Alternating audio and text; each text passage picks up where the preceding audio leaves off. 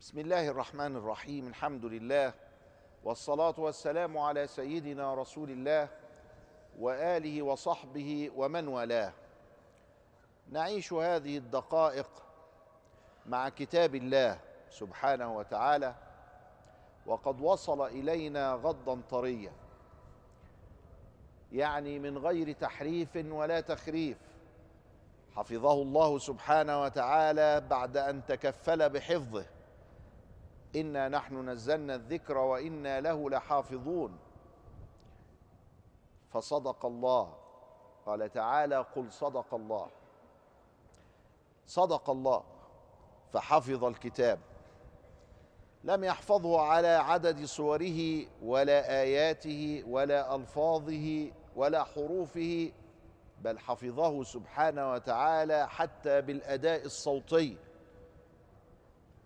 فنرى كبار القراء في الإذاعة وعلى أشرطة الكاسيت وهم يقرؤون القرآن قراءة صحيحة يعطون كل حرف حقه ومستحقه وحق الحرف أن يخرج من مخرجه ومستحق الحرف مجموعة من الصفات التي تجعلك تنطق به نطقا عربيا صحيحا. فالطاء طاء والتاء تاء والثاء ثاء والذال ذال وهكذا. تنطق القرآن فإذا ما سمعه العربي الذي أنزل في عصره عرف ما تقول ووعي كلام الله سبحانه وتعالى منك أنت أيها المتأخر بعد ألف وأربعمائة عام من نزول القرآن أو يزيد.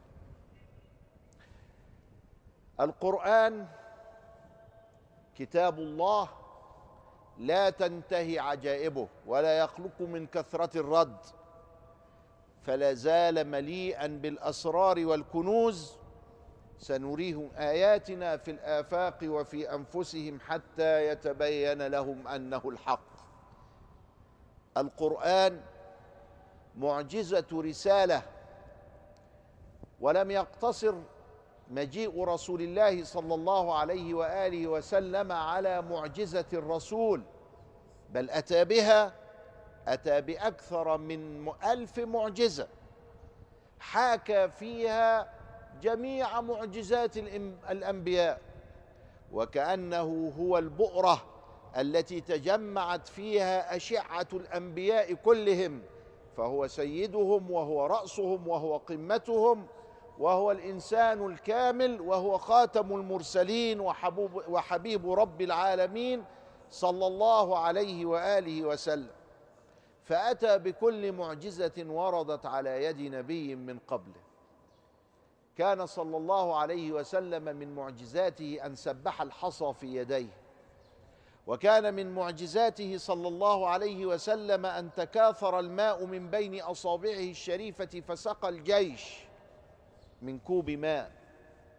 وكان صلى الله عليه وسلم لما ترك الجذع جذع النخلة في المسجد وكان يرتقيه يوم الجمعة إلى منبر من عيدان قد صنعوه له فحن الجزع واشتكى وسمع الصحابة له أنينا. حتى نزل من على منبره الشريف فاحتضنه فسكن. كانت معجزات النبي الحسية المرئية كثيرة تتراءى لهم. حتى قال لهم كيف تكفرون وأنا فيكم؟ يعني ما أنتم شايفينه ما هو ليل نهار معجزات لا تنتهي. فكلمته الدواب وكلمه الجن. وكلمته الجمادات وحدثت البركة بكل أشكالها وكان مستجاب الدعاء صلى الله عليه وآله وسلم وكان مؤيدا من ربه. إلا أن ذلك لم نره وإنما اللي, راوه فين الصحابة الكرام أو حتى رأوه المشركون. أبو جهل لما ماطل رجلا فذهب إليه النبي صلى الله عليه وسلم يطلبه أن يعطي حق الرجل ووديعته التي عنده. فدخل أبو جهل سريعا وأتى بالوديعة واعطاها الرجل. كان اسمه الحكم بن هشام. فقالوا له ما لك يا أبا جهل؟ ترتعد من محمد. قال لقد رأيت فحل ابن خلفه يفتح فمه يكاد يلتقمني. وهو صلى الله عليه وسلم ذاهب كده من غير لا جند ولا أعوان ولا شيء لأنه كان من عند الله. ومن كان مع الله كان الله معه صلى الله عليه وآله وسلم. ولكن معجزة الرسول تنتهي بانتقاله إلى الرفيق الأعلى والتحاقه بالملأ الأعلى صلى الله عليه وآله وسلم.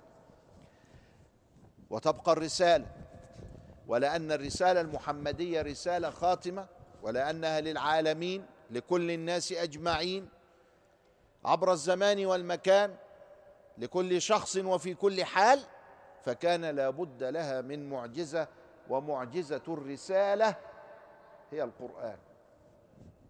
يبقى في معجزة رسول ودول ألف معجزة موجودين في الكتب. لكن لا نعول عليهم في الخطاب. لأن أروح أقول لإخواننا في الإسلام حلو سيدنا رسول الله جرت عليه معجزات. يقول طب إيش عرفني؟ أنا عايز أشوف أنا المعجزة. طب المعجزة أهي. أهي دي معجزة. ومن عرف معجزة القرآن آمن بالله. ومن حجب عنها لم يؤمن. ولم يؤمن بمحمد صلى الله عليه وآله وسلم. فهذا القرآن معجزة. وسنرى كيف هو معجزة. وسنرى كيف نطلب هدايته. وسنرى كيف أن الله سبحانه وتعالى أبقى هذا الكتاب فصدق الله. وسنعرف وسنرى ربنا في هذا الكتاب وفي كل شيء له آية تدل على أنه واحد. سنرحل مع قصة المصحف الشريف. الذي هو دال على كلام الله ثم ندخل لنسمع كلام الله حرفا حرفا وكلمة كلمة نعرضها على العالمين ونتخذ ما أمرنا الله به ديدنا لنا لا إكراه في الدين. قد تبين الرشد من الغي. ادع إلى سبيل ربك بالحكمة والموعظة الحسنة وجادلهم بالتي هي أحسن. وإن أحد من المشركين استجارك فاجره حتى يسمع كلام الله ثم أبلغه مأمنة. يعني ما تسيبوش كده وفقط ده أنت تبلغه مأمنة كمان. ما شاء الله. إلى لقاء آخر. نستودعكم الله. والسلام عليكم ورحمة الله وبركاته.